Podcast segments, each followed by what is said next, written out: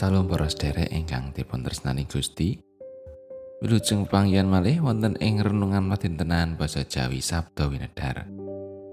Monggo kita ndedonga saderengipun kita nampi pangantikanipun Gusti. Duh Gusti Allah Rama kawula ing swarga mulya saha langgeng. Kawula ngaturaken panuwun syukur Duh Gusti awit stakataing berkah pangrimat patuko ing gesang kawula sadinten-dinten. Duh Gusti sak menika kawula nyawisaken manah kawula saperlu badhe nampi sabda paduka. Sumangga Gusti paring pangantikan. Mugi rasuci tansah paring pepadang ing manah kawula. Satemah kawula mangertosi menapa ingkang dados kersa paduka lan kawula tindakaken. Kawula ngrumaosi tasih kathah tusuk kelepatan kawula ing ngarsa paduka. Mugi Gusti kersa ngapunteni. Wonten ing asmanipun Gusti Yesus Kristus kawula ndedonga. Wawasan kapendet saking Yeskiel bab tigang dosa sekawan ayat 23 dumugi tigang dosa setunggal. Ingsun bakal ngangkat sawijining pangon kanggo wedhus-wedhus iku. Kang bakal ngengon yaiku abdi ingsun Daud iku kang bakal ngengon lan dadi pangoni. Dene ingsun Yehuwa bakal dadi alae sarta abdi ingsun Daud bakal dadi raja ana ing sak tengahe. Ingsun Yehuwa kang ngandika mangkono ingsun bakal nganakake perjanjian karukunan kelawan wedhus-wedhus ingsun. Tuwin ingsun bakal nyingkirake sakae kewan galak saka ing tanah kuno. Satemah wedhus-wedhus ingsun bisa manggon ana ing pasamunan kelawan ayem tentrem lan bisa turu ana ing alas. Ingsun bakal ndedosake wedhus-wedhus iku lan kabeh kang ana ing saubenge gunung ingsun dadi berkah. Ingsun bakal paring udan ing pepancene wektune iku udan kang gawa berkah. Wit-witan ing ora-ora bakal padha metokake wohe tuwin tanah iku bakal menehake pametune. Wedhus-wedhus ingsun bakal urip kelawan ayam tentrem ana ing tanahe. Bakal padha sumurup menawa ingsun iki yewa.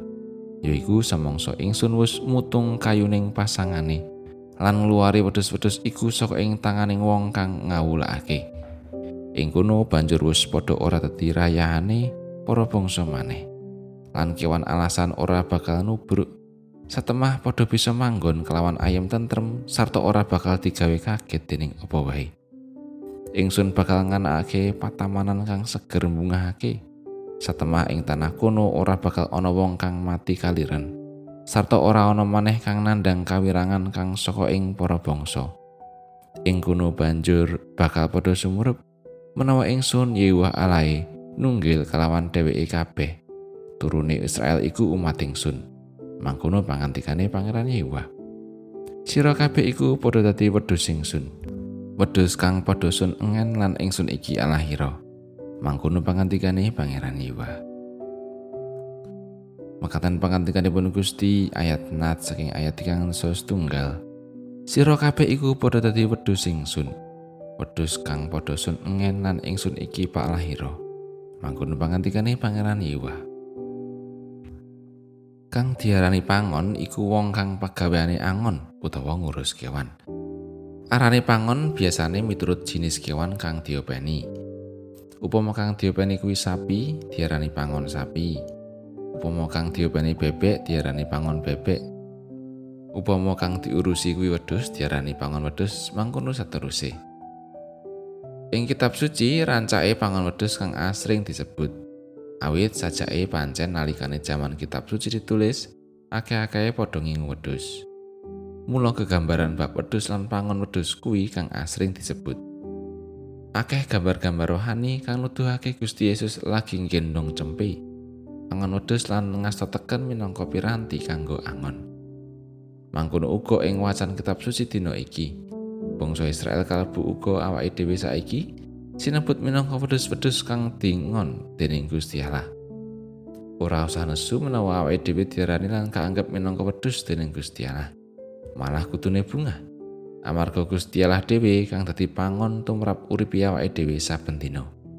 Saben dina lan saben wektu Gusti Allah anggone angon kita. Dituntun ben lakune awake dhewe bener lan bener. Diangon tumuju marang kabecikan. kacukupan, ayam tentrem lan sapanunggalane kang apik-apik. Ora bakal Gusti Allah minangka pangon arep njlomprongake awake dhewe nuju marang karusakan. Karana Gusti Allah kang dadi pangone awake dhewe, mesti bab kabutuhan-kabutuhan saben dina ya wis dicawisake. Ora bakal awake dhewe keluwen, ora bakal kaliren.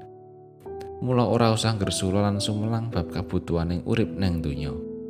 Sing baku awake dhewe manut marang Kang Angon, yaiku Gusti Allah mesti bakal kacukupan.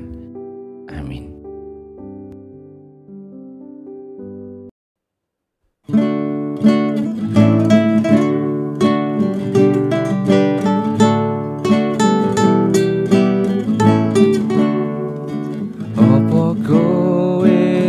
bisa ngitung lintang kang neng akoso mangkono uga mring mandung talasake meko kabeh iku not pangre pangeran kang nitahake.